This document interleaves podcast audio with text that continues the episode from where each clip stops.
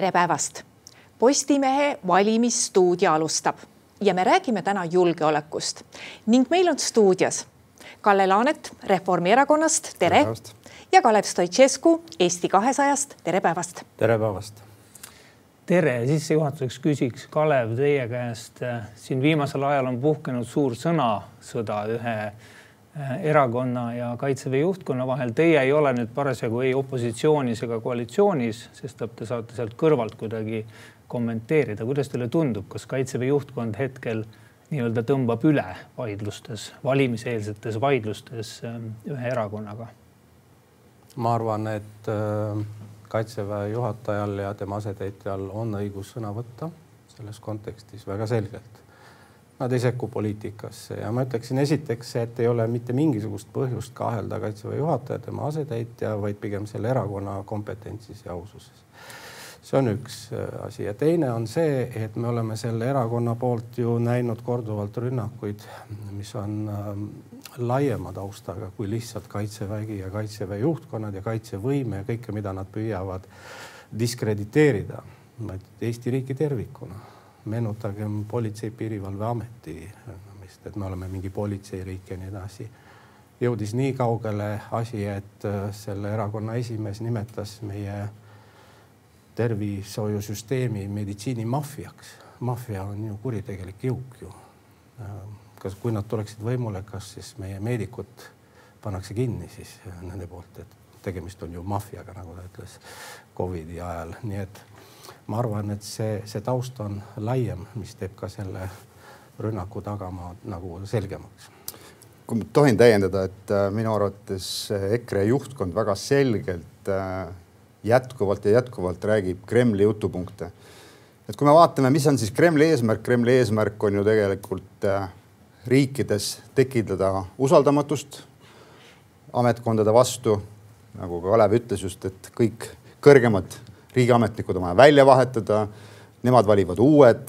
kui me vaatame seda, millist informatsiooni üritatakse levitada narratiivina, et äh, valimised varastatakse neilt. Äh, see näitab ju seda, et äh, Venemaa Kreml järjekordselt on vaadanud, kuidas siis seda usaldamatust tekitada ja kui me toome nagu paralleeli, mis toimus näiteks Aafrikas Malis, siis olid Wagneri rühmitus ja täpselt samamoodi käitus seal kui me vaatame, mis toimus Ameerika Ühendriikide valimistega, presidendivalimistega või toome Moldova sisse, siis kogu aeg üritatakse tekitada siseriiklikult usaldamatust, leida need erakonnad või isikud, kes äh, on Euroopa Liidu, NATO vastased ja läbi selle tekitada siseriiklikult vastasseise.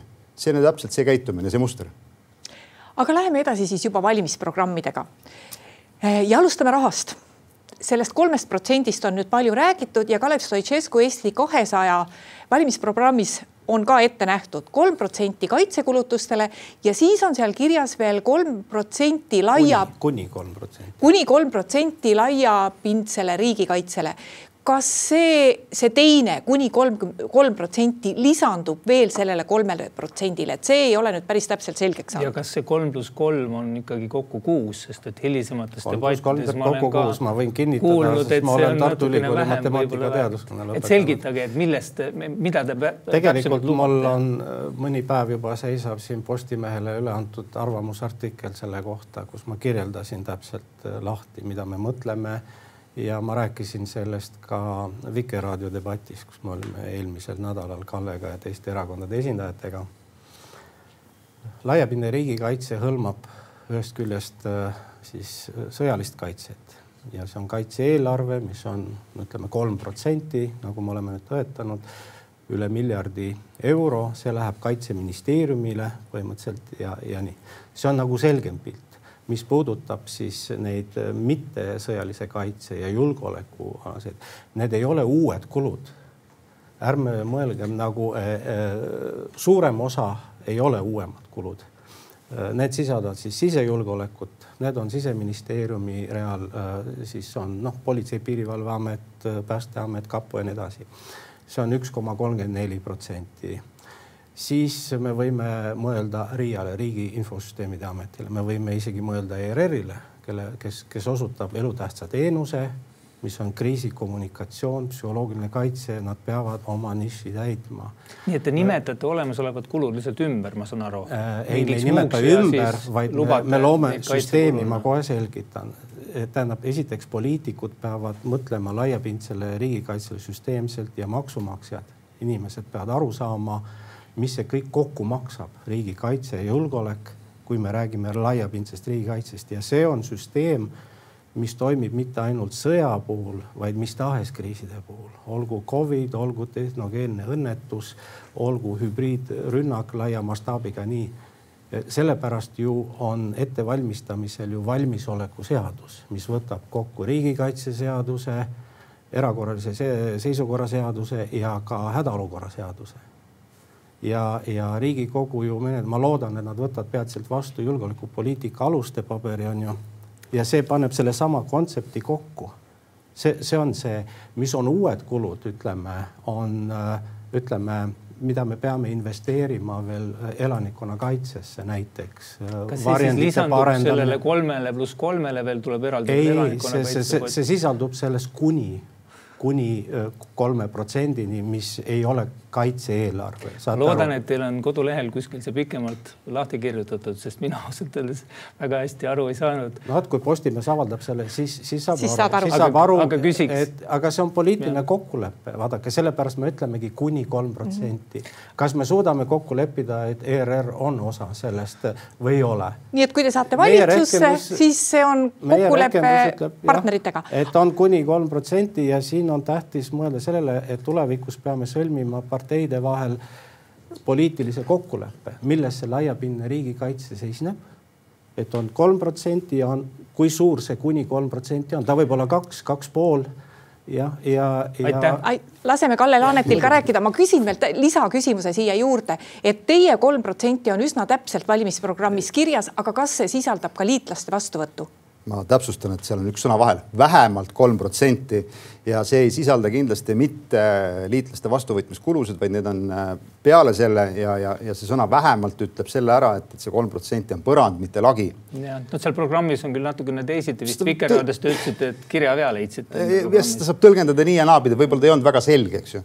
et aga, aga see on äh, meil äh, väga selgelt kokku lepitud, et ta on vähemalt ja, ja täna meie erakonna esimees ja peaminister on seda ka väga selgelt välja öelnud ka avalikult, et, et põrand on kolm protsenti mitte lagi, pluss liitlaste vastuvõtukulud.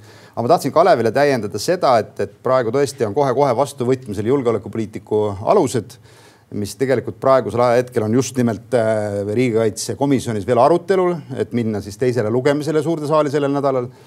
Ja miks seal ei jõutud kokkuleppele ettevalmistamise protsessis et, et null koma viis protsenti võiks olla elanikkonna kaitseks pandud? just nimelt sellest tulenevalt, et, et ei olnud selge milliseid tegevusi tehakse. et kui riigikaitse kolm protsenti, mis on suhteliselt erakondade üleselt kokku lepitud, see siis see null koma viis jäi just selle taha, et ei saadud aru, et, et mida täpselt tehakse ja see on nüüd järgmine samm, et, et ja samamoodi noh, tekib ka minul natukene küsimus, et, et võib-olla oleks nagu selgem, mida siis tehakse laiapindse riigikaitse nime all sest ega me mõistame ju ka väga erinevalt, mis asi see laiapindne riigikaitse täpselt on siis, eks ju mm. -hmm. et, et, et see on vaja kõigepealt kokku leppida, siis me saaksime nagu kokku leppida ka selle, milline nüüd äh, rahaline maht riigieelarves selle katteks siis tuleks. kas toetate EKRE ideed töötada välja laiapindse riigikaitse arengukava, nii nagu on minu arvates esimene samm on see, et me peaksime täpselt ühtemoodi kõik aru saama, mis on laiapindne riigikaitse, mis sinna alla kuulub. kas ERR on laiapindse riigikaitse all või ei ole, eks ju, noh, et, et meil on vaja nagu see kokku leppida kõigepealt. täpselt, sest kui me räägime null koma viiest protsendist, mida see siis sisaldab, kas siis päästetöö, politsei, piirivalvetöö ei lähe selle alla. selle eelarve on juba üks koma kolmkümmend neli protsenti, see tähendaks ju null koma viis, et me hoopis vähendame kulusid, noh, et siin on vaja debateerida seda nii, et me oleme võib-olla natuke maksimalistid ja me tahame nii palju kui võimalik ja mõistlik panna selle riigikaitse ja julgeoleku mütsi alla, et pilt oleks terviklik. Et meil ei ole kaks riiki, üks riik valmistub äh, sõjaks ja, ja teine riik valmistub äh, mittesõjalisteks. täiesti selge, et julgeolek on tervik ju ja no,, ja, ja seda ei saa nagu eraldi vaadata. kui ma saan aru, et seda lage täna ikkagi ei ole, siis kui suuri probleeme tekitab selle kui see lagiga määratakse ja see on suurem kui kolm protsenti, selle raha leidmine ei no raha on alati probleem, see on millegi arvelt, eks ju kas, kas äh, mingi valdkond on, saab selle võrra vähem rahastatud või peame me võtma siis tõesti laenu selleks, et, et see, see on, aga see on see prioriteetide küsimus, mis on tänane prioriteet ja nagu me teame, riigikaitseotsused on oma mõjuga väga pika perspektiiviga, selles mõttes, et kui me täna otsustame ühe võime arendamise, siis realiseerub see aastate pärast, eks ju. ja siin on see võtmekoht, et me juhtidena peame suutma ette näha mida me täpselt soetame ja, ja kuidas me kasutame seda maksumaksja raha. Kalev Stoicescu, kas teie Eesti kakssada toetate sotside riigikaitsemaksu ideed, kust võtta see noh, vähemalt kaheksasada miljonit, mida järgmise riigieelarve strateegia koostamisel oleks juurde vaja, lisaks sellele, mis on juba eraldatud selleks et, et kolm protsenti täis saada? noh, see on nende ettepanek ei ütle ja ega ei praegu. Meil ehm, eks me peame vaatama, mida ka teised välja käivad, aga mida ma tahtsin öelda, et Eesti kahesaja poolt vaadatuna peab kindlasti tegema kõik selleks, et see praegu on peaaegu üks koma üks miljardit on ju see kaitse-eelarve kaks koma kaheksakümmend viis protsenti SKP-st, et see oleks lihtsalt puhas kulu. mida ma mõtlen selle all on see, et võimalikult suur osa sellest rahast jääks Eesti majandusse, ringlusse meil on äh, võimalus arendada rohkem ka kaitsetööstust ja, ja tellida asju äh, IT-valdkonnas edasi minna. me, meil on, noh, võime pärast rääkida äh, uutest investeeringutest, mida on teinud hoopis teised riigid, näiteks Milrem Roboticsisse ja nii. aga seal on väga suur potentsiaal, et üha rohkem see raha jääks nagu ringlusse. me tekitame töökohti need maksud tulevad Eesti riigile tagasi, nii et me ei tohiks vaadata ka sellele rahale ainult kui puhtale kulule nagu jah, kui tohib Kalevile täienduseks, et, et tegelikult juba täna tegelikult on ju kaitseministeerium võtnud eesmärgiks, et võimalikult palju raha jääks Eestimaale. Ja Eesti majandusse on siis jäänud tegelikult riigikaitse eelarvest ju sadu miljoneid eelnevatel aastatel. Ja, ja kindlasti see peaks kasvama, sest me peame oma kaitsetööstust tõesti arendama, et meil oleks endal olemas teatud võimed on siis tootmisvõime või, või ka teenuse pakkumine, nii et, et selles mõttes äh, kindlasti on meil äh, võib-olla õige sõna selle raha, maksumaksja raha heaperemehelik ärakasutamine siin sai juba mainitud äh, kaitsetööstust. kui ma teie programme Eesti kahesaja Reformierakonna programme võrdlesin, siis üllatuslikult Eesti kakssada on palju rohkem mõelnud ettevõtjate ja ettevõtluse peale Äh, äh, Reformierakond natukene vähem. Kalle Laanet, annan teile ka siis võimaluse programmiväliselt siin tutvustada, millised teie sellised nii-öelda konkreetsed sammud oleks siis Eesti kaitsetööstuse äh, edendamiseks üha ütleme kuumeneval relvaturul? no ütleme siis nii, et, et meie võib-olla programmis ei ole see väga põhjalikult lahti kirjutatud, mida täpselt tuleb teha, aga see suund, kuhu me liigume, on väga selgelt välja toodud, et me toetame ja edendame Eesti kaitsetööstuse arengut ja seda on võimalik teha mitmeti. üks on seesama raha, millest me rääkisime, riigieelarveline raha, aga teine pool on see, et, et, et tuua ka meie liitlasi Eestisse rohkem. See, et ettevõtjad teavad algfaasis juba, millised on kaitseväe vajadused, on see siis laskemoona näol, teatud võimete näol, on see mingi muul näol seda vaja, et, et, et meil on teada kes selles valdkonnas tegelevad, et mida siis tegelikult militaarvaldkond ootab, eks ju, et, nad, see informatsioon on ja neid toetada. mina julgen öelda, et äh, mul oli kaitseministrina väga hea koostöö kaitsetööstusettevõtetega ja väga tihe koostöö. isegi suisa saan nimetada, et, et kaitseministeeriumis oli üks ametnik, kes ju reaalselt selle valdkonnaga tegeles, et see side on olnud hästi tihe, alati saab paremini, ajad muutuvad samamoodi Euroopa Liidust erinevate fondidest rahade toomine, ettevõtete toestame, toetamine, nii et neid näiteid on väga palju. Kalev, enne kui ma veel sõna saate, ma küsin kohe juurde, et see võimearenduse jäme ots, nagu Kalle jutust ka aru sai, on ikkagi valitsuse käes. mis siinjuures peaks olema Riigikogu roll edaspidi? No Riigikogu peaks hakkama täitma oma põhiseaduslikku rolli, ütleme kõigepealt. noh kas neil võimearenduse aastaid... otsustamisel võib olla või peaks olema ka mingisugune roll või peaks ikkagi see jäme ots? selle rolli me peaksime fikseerima selle erakondade ülese kokkuleppega ka. mis mahtudes me investeerime, kuidas me defineerime seda laiapindset riigikaitset kuidas me oleme proaktiivsed ja arendame oma kaitsetööstust, noh, me enne saate algust rääkisime ju näiteks lõhkeaine tootmisest või midagi, noh, need on asjad, mida on meil vaja pidevalt ka õppustel, rääkimata siis, kui neid peaks vaenlase vastu kasutama aga me võime toota ju droone, mis on mitmeotstarbelised ja jällegi see läheb kokku, näiteks selline droonitehnoloogia, räägime siis noh, droone on igasuguseid, neid on ka mehitamata sõidukid maismaal, on ka vee ja allveedroone ja kõik, aga me räägime õhus lendavatest droonidest, UAV-dest, et neid on ju võimalik kasutada, mitte panna lattu ja kasutada neid ainult äh, õppustel, ütleme vaid neid saab igapäevaselt kasutada mereseireks, luureks, päästeks, milleks iganes, tähendab, et me peame olema innovatiivsed ja meil on see potentsiaal toota neid asju. lihtsalt kommentaaris ka, et mina olen nagu orienteeritud sellisele koostööle ja siis on alati võimalik seda tulemust paremini saada ma olen küll seda meelt, et vaevalt, et nüüd Riigikogu ja riigikaitsekomisjon peaks ütlema, millised võimed me arendama hakkame või millist laskemoona me ostma hakkame. aga kindlasti võiks nad kaasatud olla, Nad võiksid teada, mis toimub, kuidas mingeid eesmärke saavutatakse, see annab sellele laiapindsust rohkem juurde otsuste tegemisel, et ja siis on ka vähem süüdistamist, et kuulge, et aga me ei teadnud jälle mitte midagi. seal on teatud nõksud juures loomulikult, see on seesama usalduse küsimus. selleks, et äh, mingeid otsuseid teha ja seda ka kommunikeerida, siis sa pead seda oma partnerit ka usaldama ja, ja, ja see opositsiooni ja koalitsiooni joon võiks olla võimalikult hägune, kui me räägime riigikaitsekomisjonist ja väliskomisjonist, kui me, kes tegelevad põhiliselt siis julgeoleku küsimustega.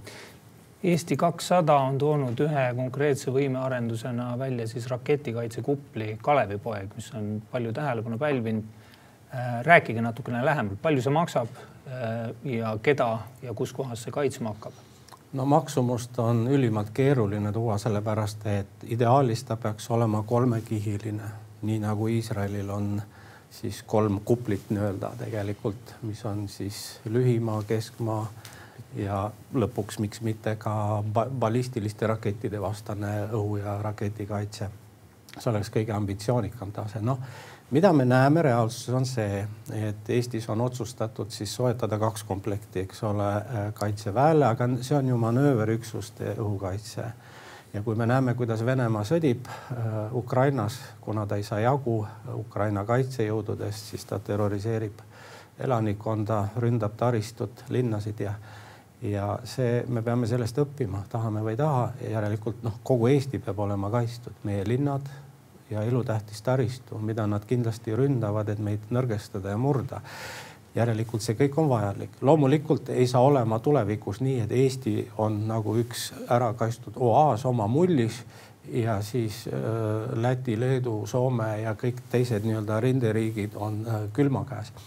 koostööd tuleb teha, kindlasti ka nemad mõtlevad sellele ja fakt on ka see, et me ei saa üksi seda teha, meil ei ole elu sees nii palju raha äh, aga me peame ära kasutama oma liitlasi ja noh üks näide on see, et Hispaania näiteks nüüd saadab ajutiselt pooleks aastaks, ma sain aru ka ühe kaitsesüsteemi. Ja nii. noh, need, need võimalused on olemas. Ise, tähendab, me peame koos liitlastega läbi mõtlema disaini, kuidas see välja näeb, et Eesti oleks kaetud ja, ja piirkond oleks kaetud, seal algab kõik.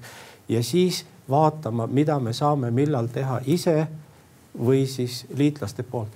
Neid nii süsteeme on nii palju ja, Euroopas, mida saaks tuua või kuhugi paigutada sobivasse kohta ja asi oleks tehtud. et me, jah, et me saame liitlaste teemal kohe edasi minna. vaat ma Kalle Laaneti käest kohe küsiksingi, et kui lõppes Madriidi tippkohtumine, siis tegelikult me olime nende tulemustega rahul, me ütlesime, et need lubadused, mis me endale sealt saime, olid head.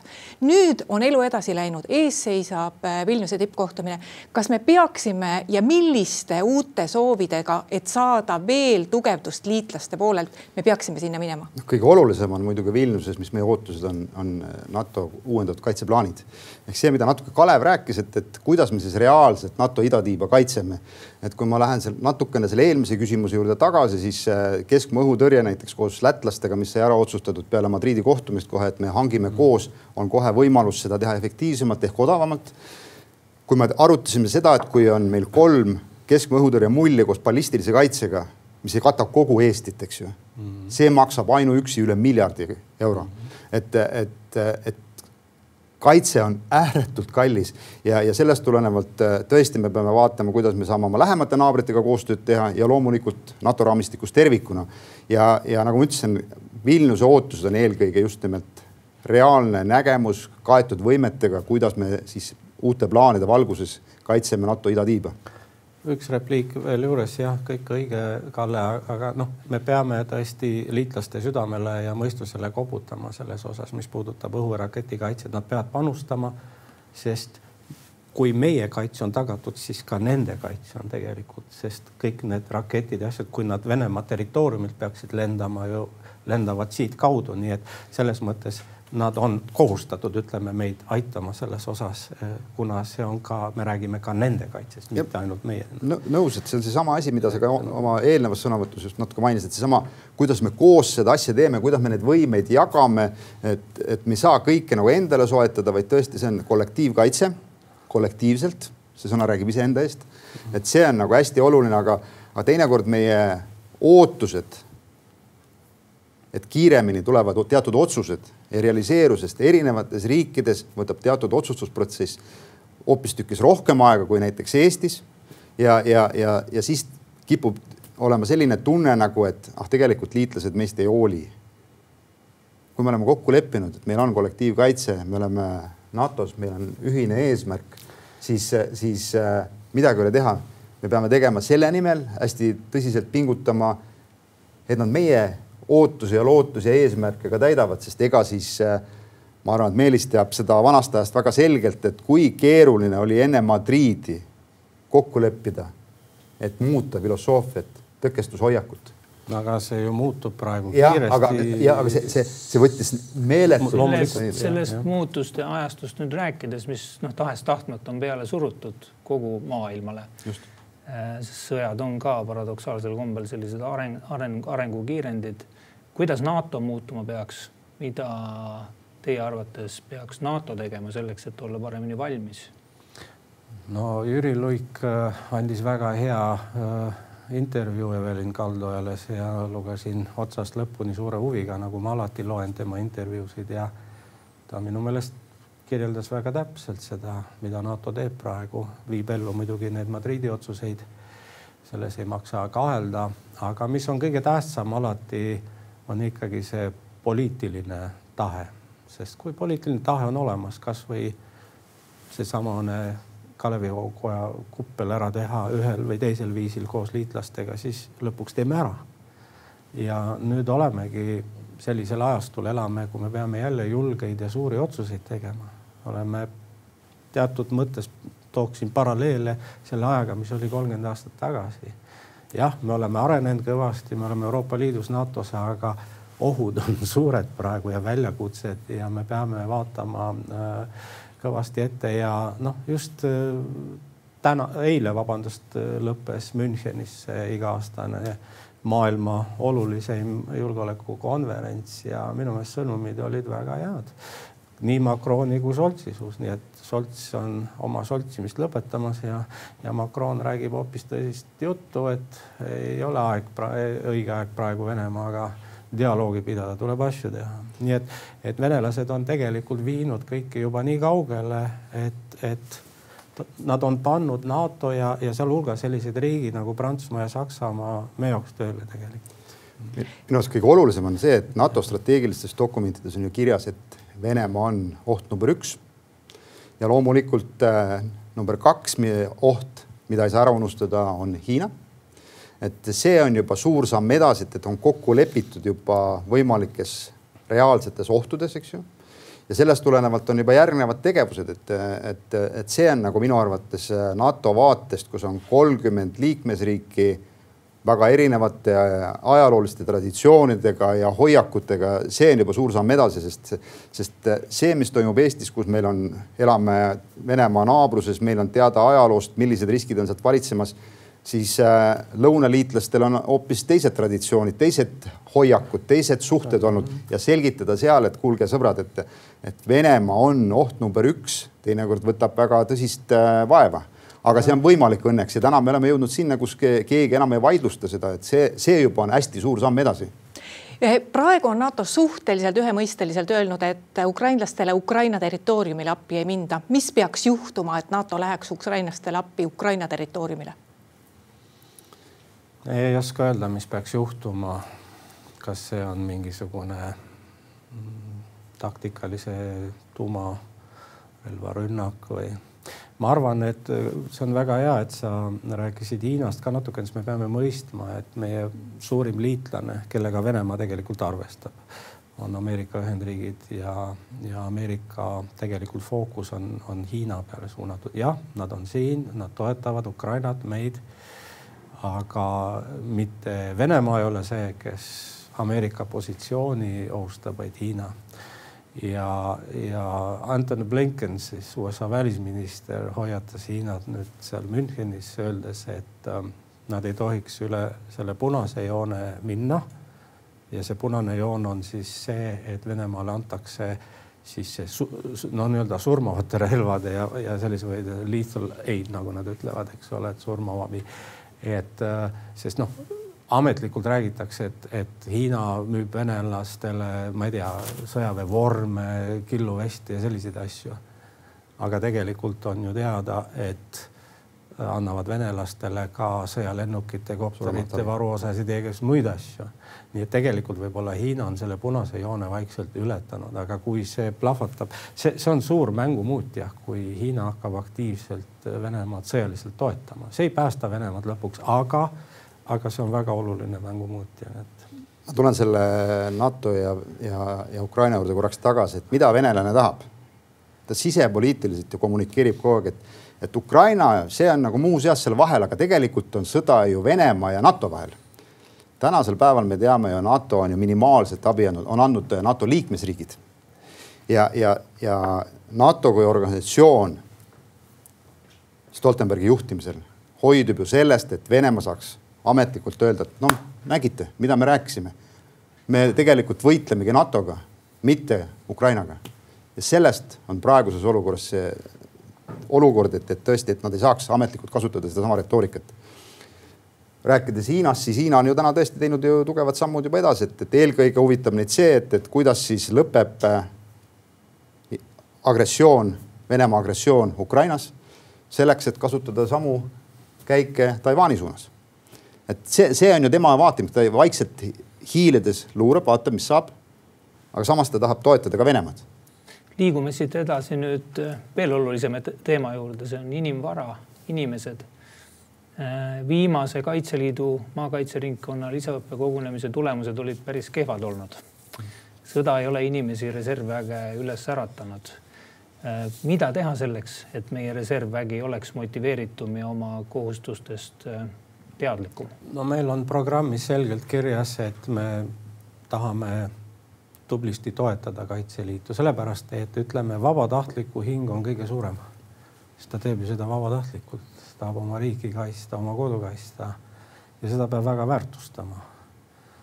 ja ma olen alati lugu pidanud ja kogu meie erakond Kaitseliidus, me peame rahaliselt panustama, me peame instruktoreid saama juurde, kes tegelevad inimestega ja nende varustust täiendama ja, ja et, et sest seda nii-öelda motivatsiooni peab ju hoidma inimestel samamoodi, aga see algab juba kooliga.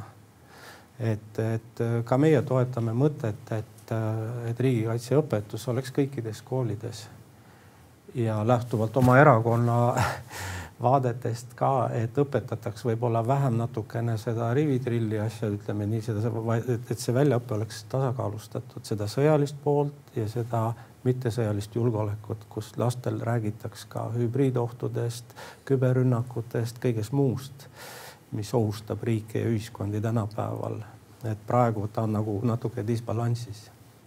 kindlasti üks saatejuht Meelis Oitsalu mäletab seda, kui me esimest korda alustasime teemat äh, riigikaitseõpetusest kohustuslikus vormis äh, kaitseministeeriumis, siis, äh, siis haris, haridusministeeriumi seisukoht oli ju koheselt see, et, et ei, ei ole võimalik, ei tule kõne allagi, sest meil ei ole selleks ruumi. Täna me oleme praktiliselt kokku leppinud selles, et riigikaitseõpetus saab olema kohustuslik ja, ja ma olen Kaleviga selles mõttes absoluutselt päri, et, et see peaks olema mitte ainult äh, sõjalises vaates, vaid ta peaks olema rohkem laiapindne, et üldse, kuidas ühiskond toimib, mis on riigikaitse kõige laiemas mõttes ja kuidas seda kaitstakse. ja, ja, ja see suhe riigi kaitsmise ja inimese vahel peab olema hästi tihe ja nüüd selle küsimuse juurde, mida peaks tegema. et äh, inimesed osaleksid aktiivsemalt äh, reservkogunemistel inimestega on vaja tegeleda mitte ainult siis, saata neile kutse, et sa oled kohustatud tulema kogunemisele, vaid pidevalt.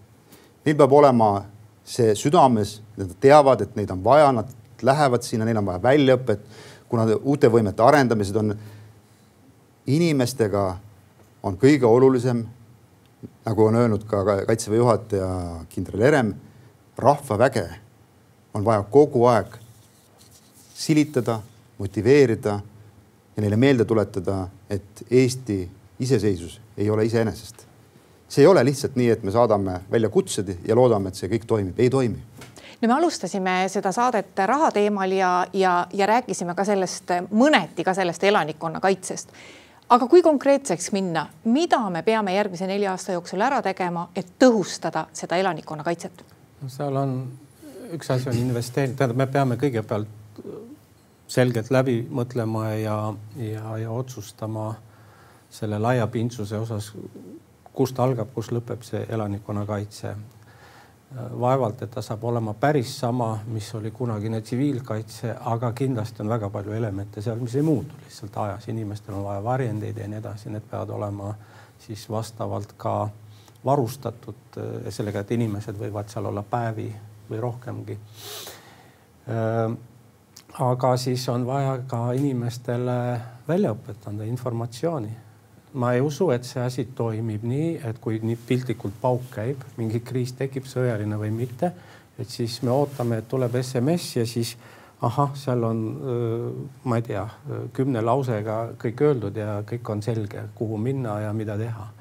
tähendab see, see info, mida inimestele antakse peab olema juba praegu ettevalmistamisel ja ilmselt ka on selle alused juba olemas, et inimesed teaksid, ma ei tea, kas teie teate, mida te teete konkreetselt? no seda me vähemalt no, oleme saavutanud, et see SMS Kalev Stoicescu tuleb vähemalt, see on isegi ette, suur edasiminek. ja, see... aga SMS peaks tegelikult teavitama, et on tekkinud vastav olukord, mis tüüpi olukord ja nii, aga need algteadmised ja kõik peavad juba enne olema. soovitan laadida olema... telefoni, ole valmis äpp. just no äpp niikuinii, aga ma natukene, me peame mõtlema oma suutlikkusele, sest kui aus olla, see oli ikka halb üllatus Covidi ajal, kui Eesti riik, eks ole, me taome endale ka ikka rusika vastu rinda, me oleme suur digiriik, me ei suutnud üht Covidi äppi korralikult teha, noh, et, et me peame ikka kõvasti investeerima sellesse ja, ja.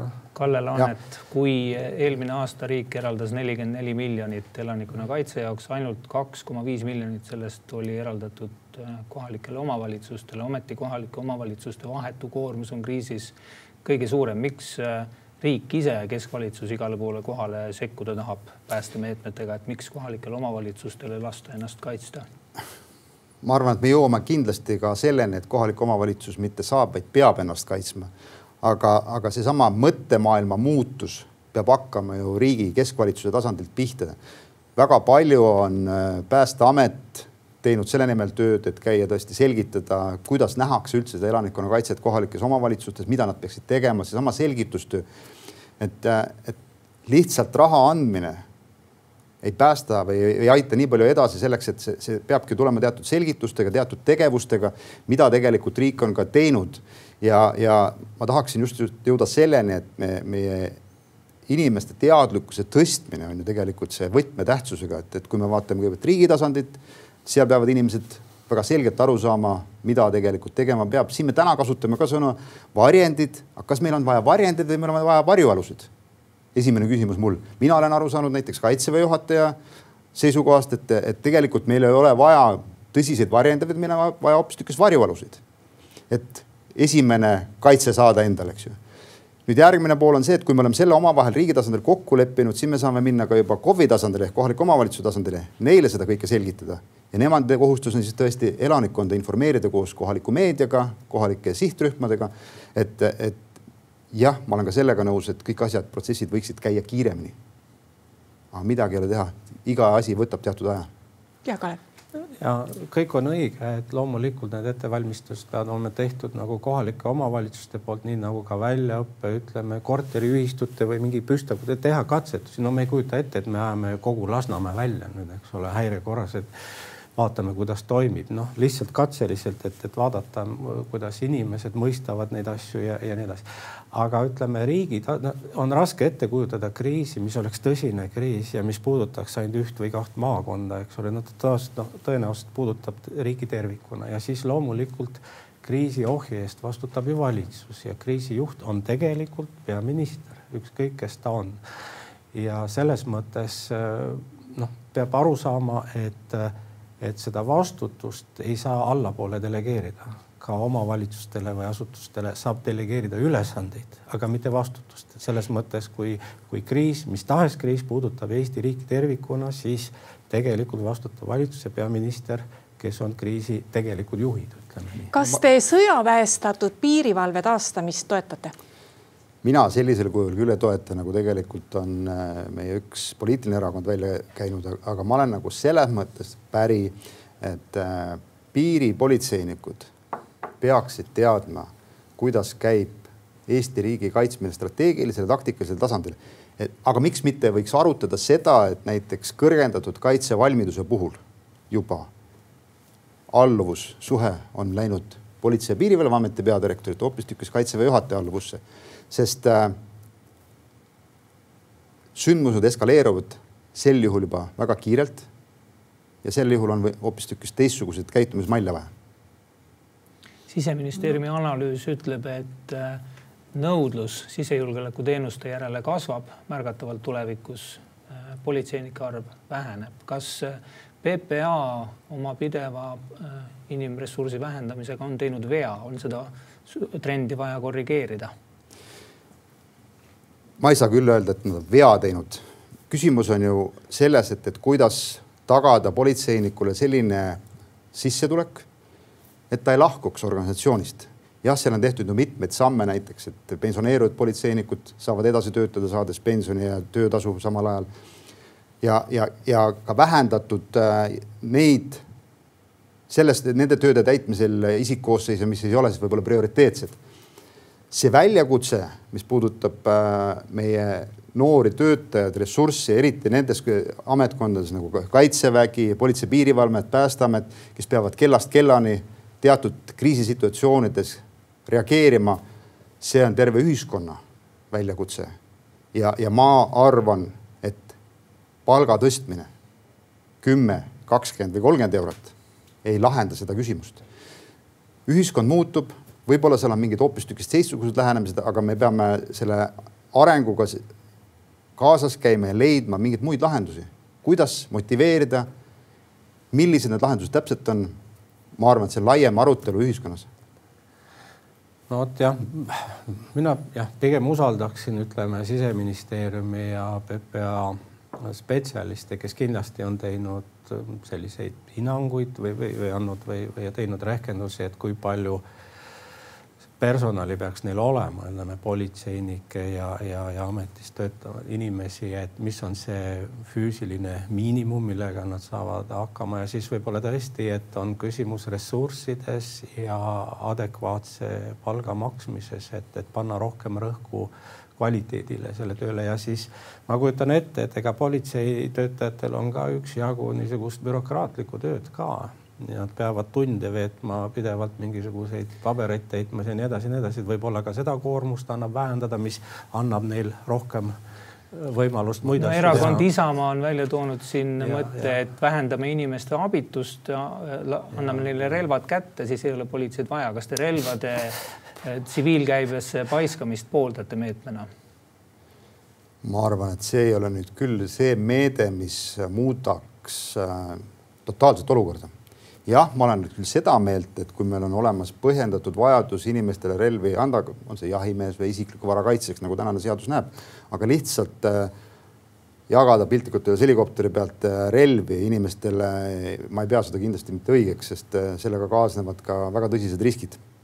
on need tahtlikud või tahtmatud, aga riske on väga palju, et, et, et see ei ole küll selline laiapindne meede, mis olukorda parandab? ma ei tea jah, kust selline mentaliteet ja selline tuleb, võib-olla üheksateistkümnenda sajandi metsikust läänest Ameerikast no., et kõigil oli oma vindpüss ja oli mingi kohalik šerif ja igal pool olid plakatid, et wanted dead or alive kedagi, keda otsitakse taga, et ilmselt me ei tahaks sellist mudelit endale. kuna meie saateaeg hakkab paraku läbi saama, siis eh, palun, me oleme väga erinevatest asjadest rääkinud. Eh, osad asjad on tähtsamad, osad on priori-, osad on prioriteetsed, osad on, mida tuleb ka teha. ehk siis, mis on kolm kõige tähtsamat asja, mis kindlasti Eesti julgeoleku seisukohalt tuleb ära teha, Kalev Stoicescu? Äh, ressursid, raha, inimesed. me peame kindlustama raha ja hoolima inimestest, sest ilma inimesteta meil võib olla raha, aga me ei, me ei saavuta midagi. Äh, teiseks, me peame selle poliitilise kokkuleppe saavutama pikaajalise ja põhjaliku, et mis oleks vähemalt kahe valimistsükli jagu edasi vaatav, kaheksa aastat, ütleme kuni kaks tuhat kolmkümmend üks. et mis asi see laiapindne riigikaitse lõpuks on, kuidas ta toimib igas kriisiolukorras, me ei valmistu ju ainult sõjaks. me valmistume mis tahes kriisideks ja arvestagem sellega, et kui vastane, noh, räägime idanaabrist, peaks meid ründama, ega ta siis sõjaline rünnak äh, ei ole esimene vaid enne seda püütakse ju vastast nõrgestada just nimelt mittesõjaliste hübriidrünnakutega ja nii, ja me peame ju nendeks kõigepealt olema valmis. vot need, need on asjad, mida me peame ja siis lõpuks jah, see, mis meil programmis on. Ma loodan, et me leiame toetajaid, mis puudutavad äh, nii seda õhu- ja raketikaitsekuplit Kalevipoega, mis puudutavad kaitsetööstust, äh, Kaitseliidu arendamist ja kõike muud jah, nagu me näeme, siis äh, Venemaa ei ole aastakümnete jooksul oma agressiivset käitumist muutnud. ja see tähendab ju seda ka, et, et ega meil ei ole mingit lootust, et ta meie suhtes kuidagi teistmoodi käitub. ja kui me vaatame järgmise perioodi, siis põhi nagu kolme tegevust ütleksin mina ikkagi, mulle meeldib väga see kolme V kontseptsioon ehk, ehk võitlejad, võimaldajad ja võimendajad. see tähendab seda ehk inimesed ja, ja, ja inimesed on meie kõige olulisem ja väärtuslikum vara, et, et kõigepealt hakata sellest samast riigikaitseõpetusest pihta, et juba noorest peast saada aru, mis on meie iseseisvuse ja riigi kaitsmine. sealt edasi juba tuleb äh, ajateenistus, mida ma tegelikult kasutaksin hoopis teise sõnana, riigikaitseteenistus, sest mis aega nad teenivad, nad ei teeni mingit aega seal, nad õpivad, kuidas riiki paremini kaitsta. et me peame selles ka kokku leppima, et see et see sõna oleks õige ja vastaks sellele tegevusele, mida nad teevad ja loomulikult sealt edasi siis ongi see kõik see Kaitseliit, reservteenistus ja, ja see sidusus nende vahel, sest täna ikkagi on ka minu arvates piisavalt palju segadust nendes terminites, mida, kus juhul, kasutatakse. kaitseliit ei ole kohe reservist ja reservist ei ole kohe kaitseliitlane, nii et, et ma usun, et, et ühiskonnas on kogu süsteemi selgemaks tegemise võimekust piisavalt ja selle loomulikult inimestele edasiandmist. noh, rääkimata loomulikult sellest, et me uusi võimeid arendame ja nii edasi. et see kõik on juba võib-olla isegi lihtsam pool kui see, mis puudutab just nimelt inimesi aga aitäh, Kalle Laanet, aitäh, Kalev Stoicescu ja aitäh ka kõigile neile, kes meid vaatasid. nii palju veel, et homses Postimehes on juba väga põhjalik ülevaade, mida erakonnad sisejulgeoleku ja riigikaitse teemadel arvavad. nii et lugege homset lehte ja lugege seda kõike ka www.postimees.ee. thank you